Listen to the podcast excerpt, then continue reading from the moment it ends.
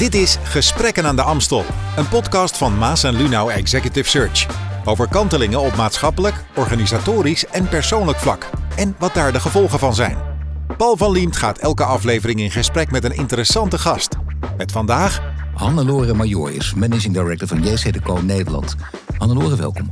Dankjewel. Nou, ik ga eerst even vertellen wie jij bent en wat je allemaal gedaan hebt. Enorme lijst, enorm gevarieerd eh, cv. Dat is wel interessant, want je bent nu dus inderdaad eh, managing director van die wereldwijde marktleider. In buitenreclame, in stadsmeubilair, abris, billboards, veel meer nog. Wat je allemaal nog meer doet, ga je straks vertellen. Ook voorzitter van Outreach Nederland, de overkoepelende uh, marketingorganisatie van, van Out of Home reclame heet dat. Je bent bestuurslid van ORAM, Ondernemend Nederland, een netwerk van bedrijven in de metropool Amsterdam. En uh, je was ook uh, projectmanager bij de Axel Group. Het ging over fietsen. Je bent tien jaar uh, bij, makelaar, bij Major Makelaars geweest. Dat, ja, niet voor ja. niets, die naam zit er gewoon in. Hè? Dus dat goede naam, ook twee keer de M. En dan accountmanager bij Van Landschot, relatiemanager bij ING en ook leraar. Dat is een heel gevarieerd cv. En vaak zie ik cv's die je bijna als een blauwdruk voor elkaar kan inwisselen. Bij jou ziet er heel anders uit. Had je geen idee wat je wilde gaan doen in het leven? Nou, goede vraag. Nou, ik had vooral het idee dat ik heel veel dingen leuk vond en dat ik een beetje keuze, keuzestress kreeg. En uh, met name bij het kiezen van een opleiding na mijn HAVO dacht ik, jeetje, uh, wat moet ik gaan doen? En ik ging naar die open dag van de hotelschool. En ja, ik werd daar gegrepen door de, door de variëteit in vakken, in aandachtsgebieden, in de combinatie praktijk-theorie. Uh, voor mij wel een goede combinatie, want uh, ja, veel zitvlees uh, heb ik niet altijd. dus het was ja, en dan anderhalf jaar naar school, half jaar stage, stage in het buitenland. ze, hebben, ze zijn heel goed in staat om daar een mooie open dag te geven. Dus ik viel voor die opleiding en ik werd ook toegelaten, want dat was ook nog niet zo heel vanzelfsprekend in die tijd. Ik moest nog Engels of Frans erbij doen, want ik had maar één vreemde taal en ik moest ineens toch nog economie 2 doen, de huidige bedrijfseconomie. Dus ik moest nog wel een inhaalslag doen. En toen ja de afgestudeerden van de hotelschool waren toen heel populair in het bankwezen om daar uh, aan de slag te gaan als trainee. Dus, uh... Ja, dat is interessant. Hè? Dat worden mensen vergeten dat vaak. Maar als je niet weet wat je doet, zeggen mensen: nou, dan ga ik rechten studeren. Maar die hotelschool is veel uh, breder misschien wel. Ik, ik hoor zo vaak dat mensen die op mooie plekken terecht zijn gekomen, ooit de hotelschool gedaan hebben. Hoe komt dat? Waar ligt de kracht? Nou, de kracht ligt dat dit een enorm praktijkgerichte hands-on opleiding is. Heel breed. Uh, je weet eigenlijk van alles uh, net niks. Maar net genoeg om er, uh, om er over mee te praten. je wordt op heel veel dingen getriggerd. Je hebt een vak architectuur waar je een ontwerp voor een hotel moet maken. Dat je echt denkt, ja, wat ga je daar in je leven nog mee doen? Daar heb je straks nog een architect voor. Maar je bent wel volwaardig gesprekspartner voor de architect als het, als het, als het erop aankomt. En je hebt een, in je toekomstige baan een, een project wat je op, op architectonisch vlak moet gaan beoordelen. Dus het is, het is een hele brede opleiding. En uh, er ligt heel veel aandacht op presenteren. Uh, uh, hoe breng je je verhaal voor het voetlicht? En dat, dat komt eigenlijk in alle beroepen van pas. Dus echt in de dienstverlening. En uiteindelijk dat je dan in de financiële dienstverlening komt. Dat lijkt voor een buitenstaander misschien onlogisch. Maar voor de mensen die het betreft eigenlijk best een logische stap. Ja, je zei heel veel meer mensen hebben dat gedaan. Die die richting naar de bank. Maar je hebt de banken, je hebt voor de klas gestaan. heel lang dus ook in de makelaardij. Hoe komt dat?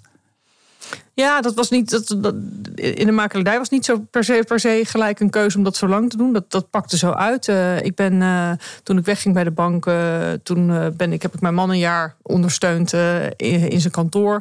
En nou, ik zei, dat ga ik wel een jaar doen en dan zie ik wel verder. Maar goed, we gingen verhuizen in die tijd. er kwamen nog twee kinderen bij. De jongste die was, of de oudste die was vrij veel ziek op de crash. Dus ik, ik had er geen zin in om haar elke keer met, met snotneus en huilend thuis te hebben.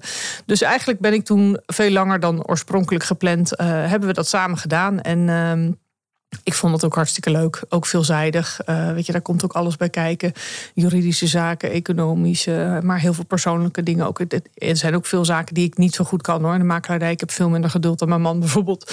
Maar er zit uh, wel enorme ambitie bij jou, anders uh, wil je niet verder gaan. Dan denk je, dan kun je ook. er zijn mensen, die ken ik trouwens genoeg, die heel lang in de makelaardij zitten, waar je ook een vrij gevarieerd leven in kunt hebben natuurlijk. Maar jij hebt besloten verder te gaan tot je op deze plek ook terechtkomt. Is dat toevallig gegaan of niet? Of heb je daar flink ja, best voor gedaan? Dat ze, nou, uh, ja, ik, ik, je, moet, je moet wel werken. Weet je, je moet wel werken voor wat je wil bereiken. Maar um, ik ben uh, vanuit de makelaardij. Ik, had, ik heb veel gedaan voor school toen. Uh, vrijwillig ook, hè, ondersteuning op de school. En kreeg daar toch wel, misschien ook wel doordat mijn moeder uit het onderwijs kwam, toch wel wat van meegekregen. Een, een, passie voor onderwijs, met name voor kinderen. En heb toen toch besloten om de PABO, deeltijd PABO nog te doen.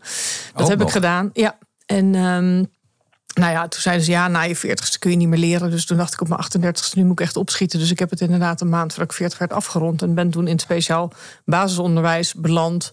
Wat eigenlijk wel een van mijn beste ervaringen is geweest, uh, moet ik zeggen, waar ik nog dagelijks uh, wel profijt van heb. Uh, nou, omdat je daar, het, het, is een hele ingewikkelde doelgroep leerlingen die je daar hebt. Daar wordt heel veel van je gevraagd. Kinderen zijn een enorme spiegel. Dus die houden je een enorme spiegel voor hoe je zelf in de wedstrijd zit. Dat vind je ogenblikkelijk terug in het gedrag van de kinderen en de groep die voor je, voor je zit. Um, het was heel bijzonder, heel intensief. Ik vond het heel, heel pittig. Heel veel sociale problematiek. Eh, leerproblemen, uh, kinderen met enorme rugzakken. En eh, nou ja, dat doet je ook wel beseffen dat je ongelooflijk ja, je gelukkig mag prijzen als je uit een fijn warm nest komt. Nee, maar dan begrijp ik het. Je was gewoon natuurlijk daarna ook naar, naar zo'n zware baan toe aan iets, iets lichts. Dus je dacht, nou weet je wat, managing director de co.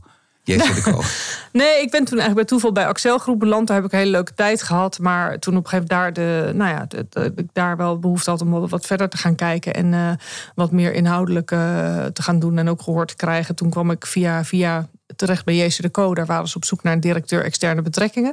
Dat is de afdeling die zich eh, bezighoudt met, uh, met concessies. Hè. In de buitenreclame gaat alles eigenlijk met, uh, met concessies. En ik had een leuk gesprek met de toenmalige directeur. En ehm, nou, die zei: Ik wil daar graag vervolg aan geven. En toen dacht ik: Jeetje, weet je, dit heb ik echt nog nooit gedaan. En dit, is, dit klinkt wel heel, heel nieuw allemaal. Maar dat klinkt heel goed. Hè? Maar okay. Heel vaak gezegd dat vrouwen niet zo denken. Dan moet ik het toch even ingooien nu. Want oh, ik, ik weet niet wat het was. Ik, ik, ik, ik ken het eigenlijk niet. Maar ik, ik heb het toch gedaan. Ik vind het leuk. Nou ja, weet je, Pippi Langkous zei dat. Hè. Ik denk dat ik heb het nog nooit gedaan, dus ik denk dat ik het wel kan. Dat was een tegendraadse uh, ja, vrouw. Nou, ik, ik, ben gewoon heel. Uh, ik, heb gewoon, ik ben heel nieuwsgierig. Ik ben ook best ongeduldig. Ik, ja, ik wil graag stappen zetten en dingen in beweging krijgen en veranderen. En ik kan me ook niet voorstellen dat ik ergens 20 of 25 jaar zou zitten. Met alle respect en bewondering voor mensen die dat wel kunnen. En die daar ook uh, de, energie uithalen. Maar ik denk dat het. Uh, ja, ik heb toch regelmatig de behoefte om uh, te toetsen van draag ik nog wat bij. en, en breng ik mezelf nog, nog verder. Nou, dan zit je op een mooie plek natuurlijk. Want je bent wereldwijd marktleider. Althans, je bedrijf, wereldwijd marktleider buitenreclame en stadsmeubilair. Don Fransman opgericht 1964. En dan is het wel mooi, dit, dit, deze serie die wij nu maken heet De Kanteling. Alleen uh, ja, de oprichter zegt, sinds 1964 is onze missie onveranderd gebleken. Ben jij dan een verkeerde gast voor De Kanteling of niet? Hoe mooi is dat? Nou, dat weet ik niet. Kijk, dat je, dat je als bedrijf eh, mee moet bewegen, uh, dat, dat snappen we ook bij JC Co. kijk alleen al naar de, de enorme kanteling die je binnen onze organisatie ziet als als het gaat om duurzaamheid. Hè, dat uh, was uh, natuurlijk in 1964 ten tijde van de oprichting stond dat echt niet op de agenda. Er was niemand die zich daar druk om maakte. En uh, dat is inmiddels een van de, van de belangrijkste core values binnen het bedrijf. Dus ja, die kanteling zie je wel. Maar ze zijn wel trouw aan het, aan het concept waarvoor ze vonden dat ze op aarde kwamen. Maar wat is het concept? Want dat is de belangrijke vraag. Die werd toen ook al door de oprichter gesteld. Inderdaad, waartoe ben je op aarde? Nu doen, ik zou bijna zeggen, gelukkig bijna alle bedrijven dat wel. Maar wat is dan precies de reden? Nou, het is begonnen, dat, eh, de, oprichter Jean-Claude Decaux heeft in 1964 het bedrijf opgericht. Uh, eenvoudigweg door een, een, eh, bushokje te bouwen en dat aan de gemeente Lyon aan te bieden. En te zeggen, joh, als ik jou nou dat bushokje geef, ik beheer en onderhoud dat, mag ik dan daar reclame invoeren? Dan financier ik dat hokje uit reclame. Dan kost het jou niks, ziet het er netjes uit, staan je passagiers droog te wachten. En dan hebben we een mooi concept. Heb ik een verdienmodel en jij een, een dienst en een product in de openbare ruimte. Nou, ja, zo, zo eenvoudig is het begonnen. En is het eigenlijk alleen maar groter geworden wereldwijd, uh, inmiddels in ruim 80 landen. En uh, is het, het, bushokje, de Abri, ook wel uitgebreid met andere types type stadsmeubilair. Hè. Um, en ja, dat is een, dat is een, een concept wat enorm uh, aanspreekt, omdat het ontzorgt. Hè. Het is een ontzorgmodel, dus gemeenten weten, joh, mijn voorzieningen zijn, zijn op orde, die zijn kwalitatief goed, die worden beheerd, die worden onderhouden en het kost me verder niks. En tegenwoordig ontvangen gemeenten daar zelfs ook nog een, uh, vaak een, uh, een, financiële bijdrage daarnaast. Een financiële bijdrage van? Van, van, ons in de vorm van een afdracht, een financiële afdracht. Nou, dus moet je kijken, het, begon als, ja, het begon als een gesloten beursmodel. En uh, uh, nou ja, naarmate de tijd vorderde en, uh, en gemeenten en vervoersbedrijven ook wel zagen van hé, hey, daar wordt wel wat geld mee verdiend met die reclame. Daar willen we ook nog wel een graantje van meepikken. Ehm, ja, dat is, dat is het punt waar je, waar je nu bent beland. En nu, als je praat over kanteling, om even terug te komen naar je of op je vraag. je ziet wel dat bij gemeenten nu ook het besef komt: hé, hey, we moeten niet alleen maar meer om afdracht vragen, maar ook om uh, innovatie of om duurzaamheid of om uh, ontwerp of kwaliteit. Hè. Dus de kwalitatieve criteria die winnen wel terrein, alleen die zijn nog te klein en je kunt vaak toch nog met een hoge financiële bieding een aanbesteding winnen en naar je hand ja, zetten. Dat is mooi dat je dat zegt, want het viel mij heel erg op bij de groene abris. Dan denk je, nou, dat is een volgende stap. Daar ben je ooit mee begonnen, althans de eigenaar, de oprichter. En dan denk je, ben je zoveel jaar verder. Groene abris, die, die bushokjes met een groen dak. En die liggen er in Parijs, liggen in Kopenhagen, honderden, misschien wel duizenden. In Amsterdam ook, maar het zijn er maar drie. En, en dat heeft allemaal met die aanbesteding te maken. Nou, het zijn er iets meer. Dat heeft ook, nou, het heeft te maken met de aanbesteding. Uh, dat om te beginnen. Maar het heeft ook te maken met keuzes en prioriteiten van gemeenten. Weet je, waar wil je in investeren? We hebben wel een aantal abris met verticaal groen. Ook in Amsterdam. Daar worden ook wel pilots gedraaid. Maar op het moment dat, het, dat je meubilair hebt staan. en het zit niet in je in je bestaande meubilair, dan moet je het toevoegen en moet je daarover met elkaar in gesprek. En ja, soms moet daar dan weer ook wat extra geld tegenover staan. Omdat maar dat, dat is zo gek in deze tijd, als we dan toch over kanteling praten, dat je zegt, nou gewoon de hoogste prijzen, die pakken we. En je kijkt dus niet naar de beste prijs. Je zou, ik, ik weet het, je zijn veel andere manieren toch ook om hiervoor te kiezen. Je kunt ook zeggen, we zetten heel veel, we komen, heel veel mensen komen binnen, we hebben één prijs en het beste, kwalitatief beste voorstel, dat pikken we eruit. Waarom gebeurt dat niet? Nou, dat heeft, dat heeft met, met durf en prioriteit te maken, denk ik. Uh, kijk, als je gemeente uh, ziet die zegt van nou, de helft van de punten die geef ik voor de prijs in de, in de concessie bij een aanbesteding en de andere helft aan kwaliteit of duurzaamheid, dan heb je dus in theorie altijd de kans om met een hogere prijs te winnen.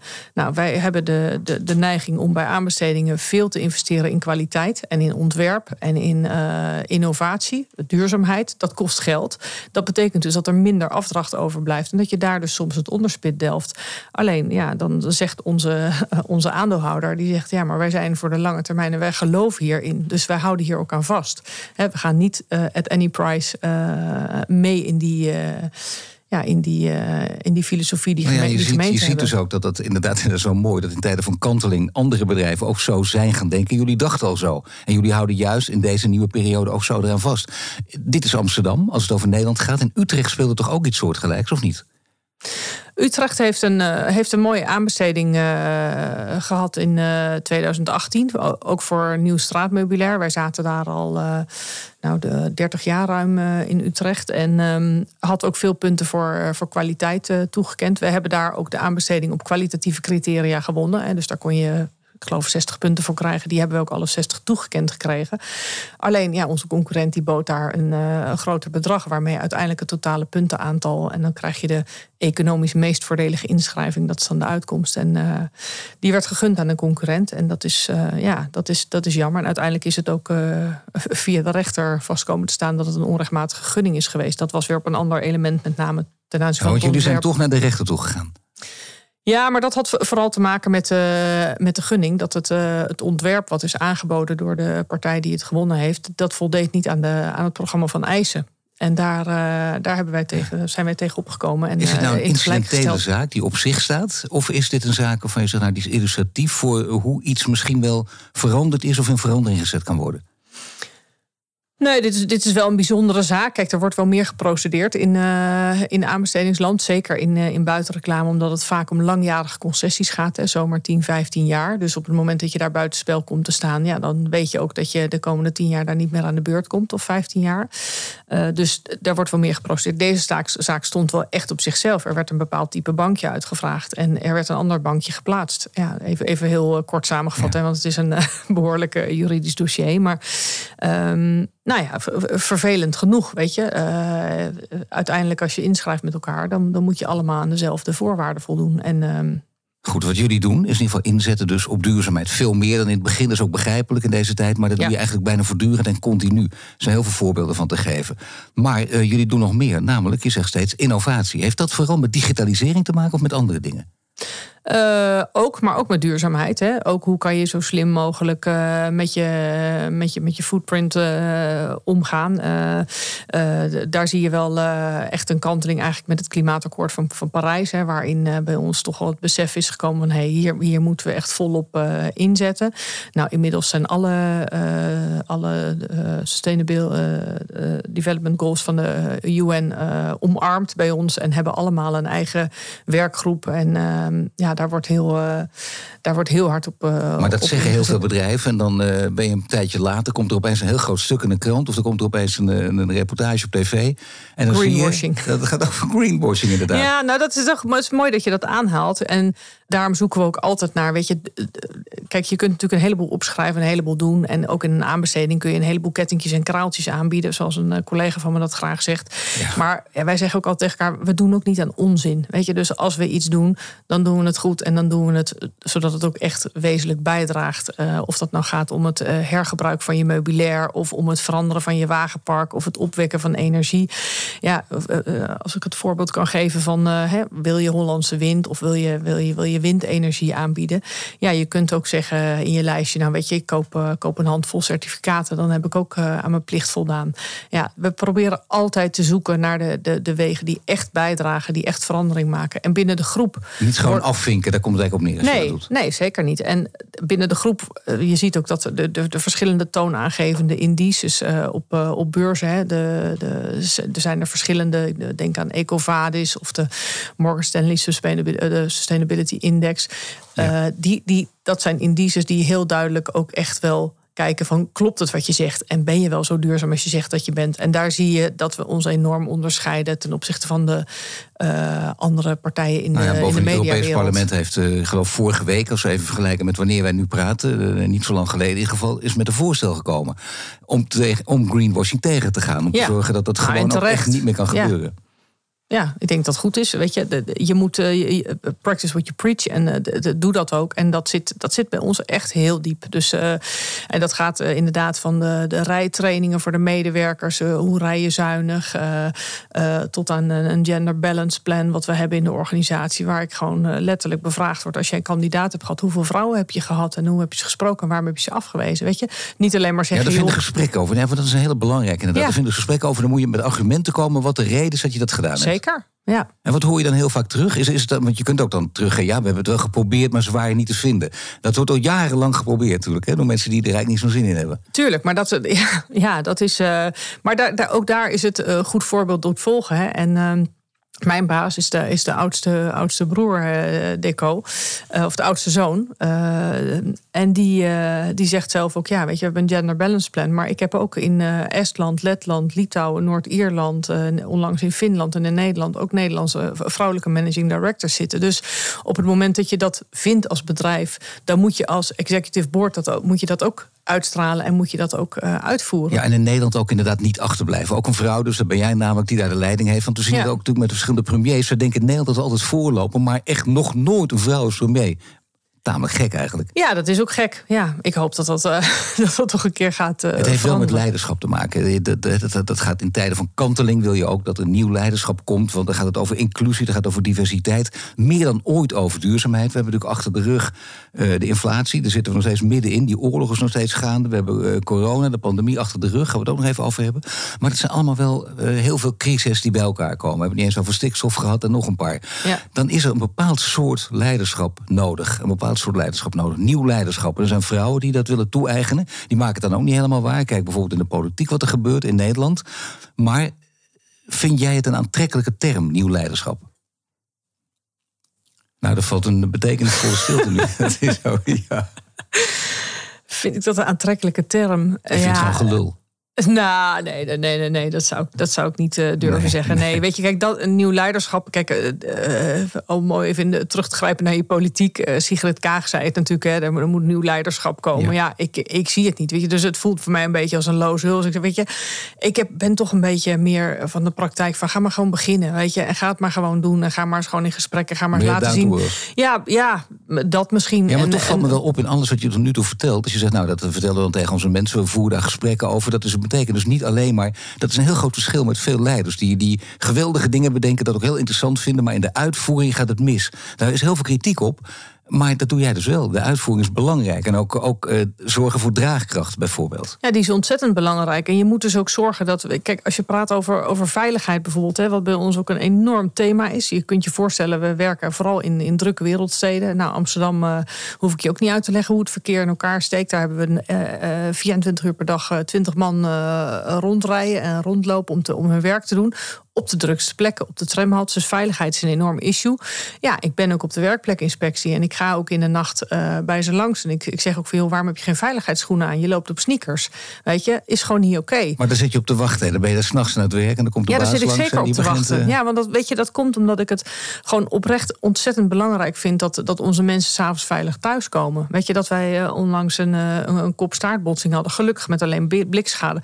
Kan ik van wakker liggen. Ik vind dat heel naar. Weet je, ja, ik vind nee, dat ontzettend... op te wachten dat mensen dan s'nachts denken: wacht even, dan komt ze langs en meteen met kritiek komen. Oh. Maar als je het niet doet, als je het niet zou doen, dan leidt het inderdaad tot dit soort punten. Nou, en vroeger, weet je, kijk, nou, vroeger is misschien, uh, voor mijn tijd in ieder geval, was er, nog, was er nog wel eens wat angst bij collega's. Hè? Want dan kreeg je officiële waarschuwing of uh, je kon misschien naar je bonus fluiten.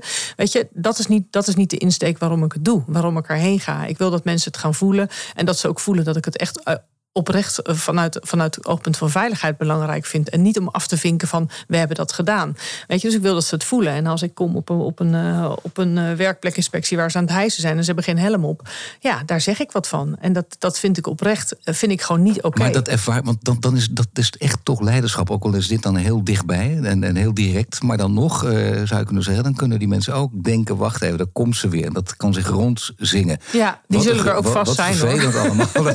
ze zullen ze zullen vast wel eens denken als ze bij me mijn oranje hesje zien. Dat ze denken, nee hè, ben ik aan de beurt. Dat bedoel ik. Ja. Maar dat is toch, Ja. dat, dat hangt een beetje van de toon af natuurlijk hoe je dat Nou doet. maar wel ik, van belang. ik probeer ook vooral daar heel erg op de inhoud te blijven. Weet je, en op waar het over gaat. En niet van, joh, jij hebt je werk niet goed gedaan. Want de- deze mensen, vergis je niet, die, die zijn decennia lang trouw aan ons bedrijf. Dat is ons grootste kapitaal. Daar ben ik gewoon zuinig op. En eh, daar zijn we met z'n allen zuinig op. Want we vergeten het vaak. Jullie doen inderdaad ook al dat onderhoud. Hè? Ja. Bedoel, je, je speelt dus een belangrijke rol daardoor ook in de stad. Graffiti bijvoorbeeld weghalen. Ja. Dat is ook een belangrijke Ja. mij. Maar crowd control, dat lees ik ook overal. Maar wat doen jullie dan precies? Wat bedoel je daarmee met crowd control in de stad?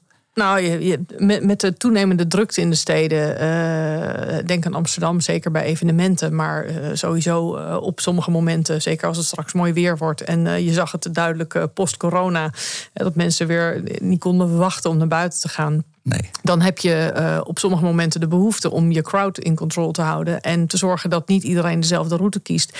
En dan kun je natuurlijk geweldig met de, met de objecten die we hebben. En zeker waar je ze digitaal hebt. Daar kun je mensen de weg wijzen van kies deze route. Of eh, hè, eh, parkeer nu aan die kant. of neem deze PNR en neem de tram. En op die manier kun je je, je loopstroom in je stad Daar hebben we mensen die luisteren, die, die wonen in, door heel Nederland verspreid. Maar die kennen allemaal, denk ik wel, de situatie in Amsterdam, waar wij nu ook eh, dit gesprek opnemen. En in Amsterdam heb je een bekende situatie, zowel zaterdag als zondag. Daar hoopt iemand dat er goed aan crowd control wordt gedaan. Want er staat altijd een hele lange file van het Waterloopplein tot en met de Bijenkorfgarage. Dat betekent dat hij helemaal door de stad slingert. En dat Ja. is echt ja, aan alle kanten tamelijk wanhopig. Eh, De, de plaatselijke media berichten daar vaak over. Het lijkt alsof mensen met de handen in het haar zitten. En hoe kan het dan dat jullie crowd control daarbij niet helpt?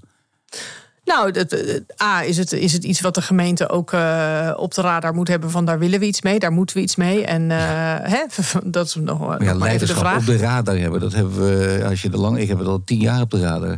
Ja, Dus nou, de, zo lang is die situatie bij de Bijenkorf niet. Ze hebben natuurlijk behoorlijk, Nou. eh, beho- behoorlijk het centrum eh, op de schop genomen. Waarmee je eigenlijk als je eh, vanaf het Waterloopplein komt... maar op één manier bijvoorbeeld in de Spuistraat kunt komen. En dat is inderdaad langs de Bijenkorfroute. Dus ja, het eenzijdig opheffen van allerlei toegangswegen, afslagen... en, en het opleggen van een verplicht te nemen route...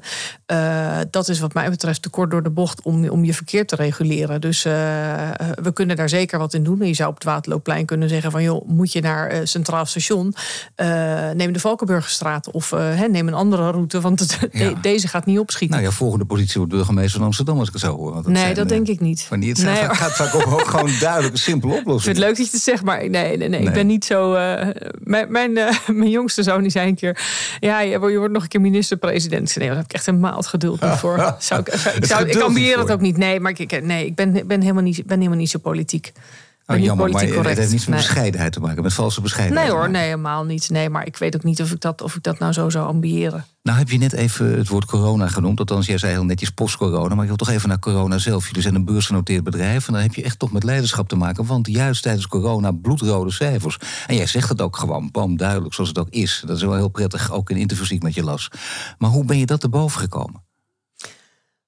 Nou, vertrouwen blijven geven. Ik denk dat we enorm gesteund zijn door de aandeelhouder. Hè. Die hebben alle rust bewaard. Daar heb ik, uh, nou, daar heb ik ook nog wel over, uh, over gesproken nou, tijdens corona na afloop. Hoe, hoe waardevol het was dat er vanuit de directie van JCDCO in de groep zeg maar, rust bewaard werd. En zeker, er werd, was aandacht voor de zorgen financieel en voor de situatie. Maar vooral, vooral ook voor de mensen daarachter. Hè. Wat dat betreft zie je dat je echt deel uitmaakt van een familiebedrijf.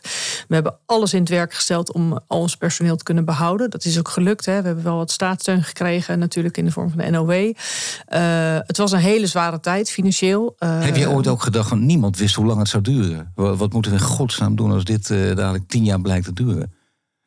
Nou, daar... dan, kun, je het wel vergeten toch met die, met nou, die reclame in de stad. Of we zijn over een paar jaar allemaal uh, ten onder gegaan aan dit virus. Of het, is, of het is een keer voorbij. Dus ik heb eigenlijk weinig tijd gehad op dat moment om uh, te bezinnen op, uh, op oké, hoe lang gaat dit duren en wat, hoe gaat dat op de middellange termijn. Er is geen moment geweest dat je dacht, we, hebben, we hebben meerdere scenario's in de la liggen. Ook één dat van, we kunnen het bedrijf opheffen als het, als het nog langer duurt. Of we, we gaan het bedrijf helemaal omvormen. Nee, nee, nee. We, kijk, we hebben natuurlijk in het begin, je zag een enorme krampreactie reactie uh, bij de start van corona. Hè. Dus we hadden uh, ineens 85% annuleringen van alle campagnes op straat. Want ja, op straat adverteren wil iedereen, behalve als, als mensen massaal wordt opgeroepen om thuis te blijven. Dan is dat natuurlijk niet het meest interessante in de stad, dus ja, ja. dat zie je ook niet. Ik bedoel, nee. wel, maar, nou, we hebben heel veel. Uh, we hebben het denk ik goed gedaan met onze trouwe klanten.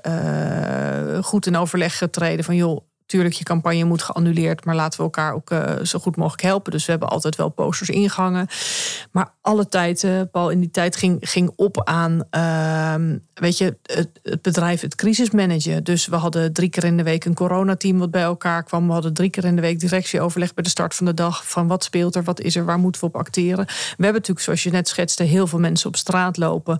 Die ook uh, veilig moesten kunnen blijven werken. Die ook weer met onderaannemers te maken hebben. Ik kon ook niet tegen mensen zeggen, maar thuis zitten. Het kantoorpersoneel bleef thuis en ging natuurlijk vanuit huis werken. Dus dat moest in no time opgetuigd worden. En eigenlijk zag je al vrij snel na die eerste lockdown, dat in de zomer toen daar weer wat meer ruimte kwam. Ja, toen zag je ook de, de, de, de business wel weer terugkomen. Dus de veerkracht van het medium is gelukkig goed gebleken.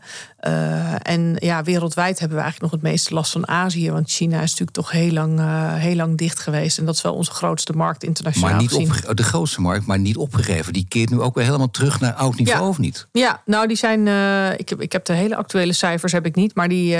Hoeft ook niet. Dat ging natuurlijk best gek in China. Want die, ja. die gingen in, in het vierde kwartaal vorig jaar gingen ze weer open. En toen ineens kreeg 80% van China COVID. Want ja, ze waren niet gevaccineerd. En ze hadden zo'n streng regime gehad dat heel veel van onze medewerkers zaten toen ook ineens thuis met COVID. Dus daar, de, de terugkeer van de mobiliteit duurde daar langer dan verwacht. Omdat zoveel mensen toch nog COVID kregen. Dus, nou, moet je kijken, dat was echt een moeilijke tijd. Die beter boven gekomen. Dit is ook een lastige tijd, want het is kanteling. Is het, kijk, sommige mensen zeggen het is een fantastische tijd. Heel erg, al die crisis, dat klopt. Maar zeker als leidinggevende is dit geweldig. Want het vraagt zoveel van je.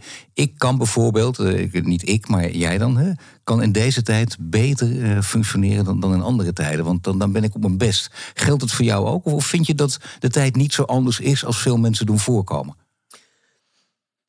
Nou, ik denk dat elke tijd zijn eigen, zijn eigen specifieke kenmerken heeft en zijn eigen dynamiek. Uh, ik kan niet ontkennen dat dit zeker een uh, tijd is van veel verandering. Uh, we zitten in een, in een grote digitalisering. En dan bedoel ik niet alleen een scherm op straat, wat van een poster naar een digitaal scherm gaat. Want dat geldt natuurlijk echt niet voor alle papieren posters. Maar dat geldt ook voor onze organisatie. We hebben op dit moment echt bedrijven, topsport binnen het bedrijf, om op 1 juli live te gaan met een SAP-implementatie. Nou, Nou, mensen is die, dat? dat is een nieuw, nieuw systeem om eh, zeg maar al onze processen in, eh, in te regelen. En, eh, Ja. Nee, maar dat vind ik gewoon. Nee, oké, maar dat snap ik. Nee, maar bedoel echt specifiek is, op nou ja, dat is op digitalisering. Dat is wel, want dat vraagt veel van onze medewerkers. Hè, die dus gewoon een hele andere manier van werken. Die jongens op straat, ze Ja, krijgen allemaal een zeker. handheld. Dus ja, dat is zeker Ja, wel is voor ja. onze medewerkers eh, voor veel van onze medewerkers een enorme verandering. Voor een aantal ook niet. Hè. Je hebt mensen die zijn jong die zeggen: Oh, weet je, prima. Hoe gaan we dat nu pas krijgen? Dus ja, dat is.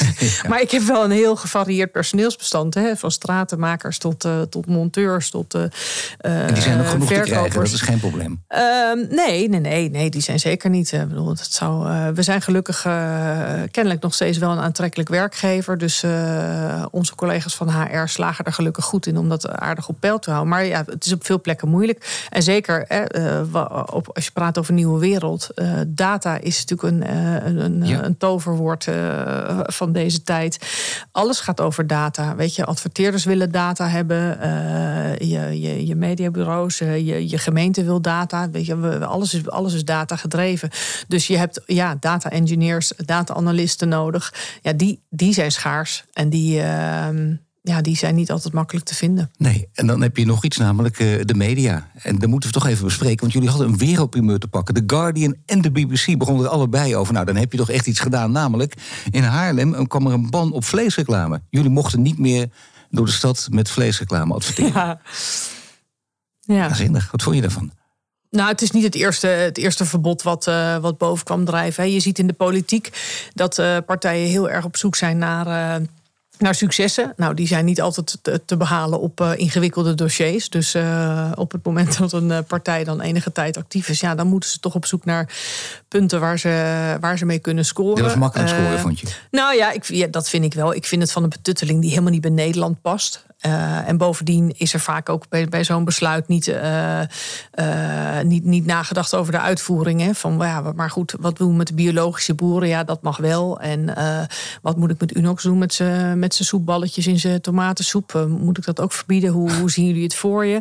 Ja, daar is allemaal niet over nagedacht. Dat moet, dan, dat moet het college dan maar bedenken. En kijk, ik, ben, ik geloof niet zo in deze manier van eh inperk van reclame. Ik denk dat gemeenten die, en politiek die iets willen, dat die ons medium moeten gebruiken eh, eh, om, om hun boodschap te verkondigen. Dus weet je, moedig mensen aan via ons medium te zeggen: neem eens een dagje zonder vlees. En eh bied, eens een, bied een alternatief aan in plaats van ja, je mag daar geen reclame meer voor maken. En uiteindelijk, weet je, voor elk verbod komt er weer wat anders. Want we hadden de week daarna gelijk vleesvervangers met allerlei leuke inhakers die, eh, die op ons medium eh, zaten van, eh, nou ja, de- deze week geen bacon op de borden. En dan was het een bacon Dat alternatief. kan allemaal. Maar goed, dit speelt over Haarlem. Maar je hebt natuurlijk ook de verschillen. In, in Den Haag had je verbod op fossiele brandstof. In Tilburg op online gokken. Kan jullie dat wat schelen? Of wil je, je gewoon, dus met andere woorden, liever gewoon eenduidigheid hier? Of vind je dit niet zo erg? Eh, nou, het- ik vind het niet zo erg. Weet je, we zijn niet van de reclamepolitie. Laten we dat vooropstellen. We hebben in Nederland hebben we wetgeving, eh, wet en regelgeving die bepaalt wat wel en niet mag. Hè. Dus denk aan het verbod op eh, tabaksreclame, eh, alcohol, niet in de buurt van scholen, dat soort zaken. Dus dat is wettelijk geregeld. Dan heb je de Stichting Reclamecode, die heeft tal van codes opgesteld met alle belanghebbenden om te bepalen, nou, waar moet goede reclame nou, waar moet reclame nou aan voldoen? Ehm, nou, dat, dat zijn prima richtlijnen. Die zijn heel duidelijk voor iedereen. En ehm, dat is wat ons betreft het uitgangspunt eh, waar je aan moet houden. En als je op lokaal niveau allerlei houtje-touwtje verboden gaat, eh, gaat verzinnen, ja, dan, eh, dan wordt het wel ingewikkeld voor een adverteerder om in te kopen. En bovendien is het vaak ook. Is het ook een beetje een, een, een loos, loos succes? Want dan denk ik, ja, verbod Ja. op fossiele reclame. Ik heb in geen, geen tien jaar een eh, reclame van Shell gezien van kom diesel bij ons tanken. Weet je, dus di- nee, eh, ook Shell eh, investeert in dingen. En natuurlijk kan het die partijen misschien niet snel genoeg gaan. Maar als zij adverteren met een windpark, mag dat dan wel en Ene- of mag dat dan niet? En Eneco met zijn windpark wel. Dus in de uitvoering is het veel te, veel te complex. Nou, dan gaat het Eh, toch weer over de uitvoering, die complex is. Dat is inderdaad een interessante verandering nu in deze kantelende tijden. Bovendien gaat het ook over duurzaamheid, digitalisering en duurzaamheid. Zijn jullie allemaal mee bezig. En natuurlijk die zoektocht naar personeel. En bovendien, dat blijft toch wel staan, de missie blijft ten diepste, waartoe ben je op aarde, hetzelfde. Die is in 1964 neergezet en in 2023 onveranderd gebleven. Dankjewel, Hannelore Major. Heel graag gedaan. Dankjewel. Dit was Gesprekken aan de Amstel. Een podcast over kantelingen op maatschappelijk, organisatorisch en persoonlijk vlak. Presentatie Paul van Liemt. En mede mogelijk gemaakt door Maas en Lunau Executive Search. Volg ons in je favoriete podcastplayer voor meer gesprekken aan de Amstel.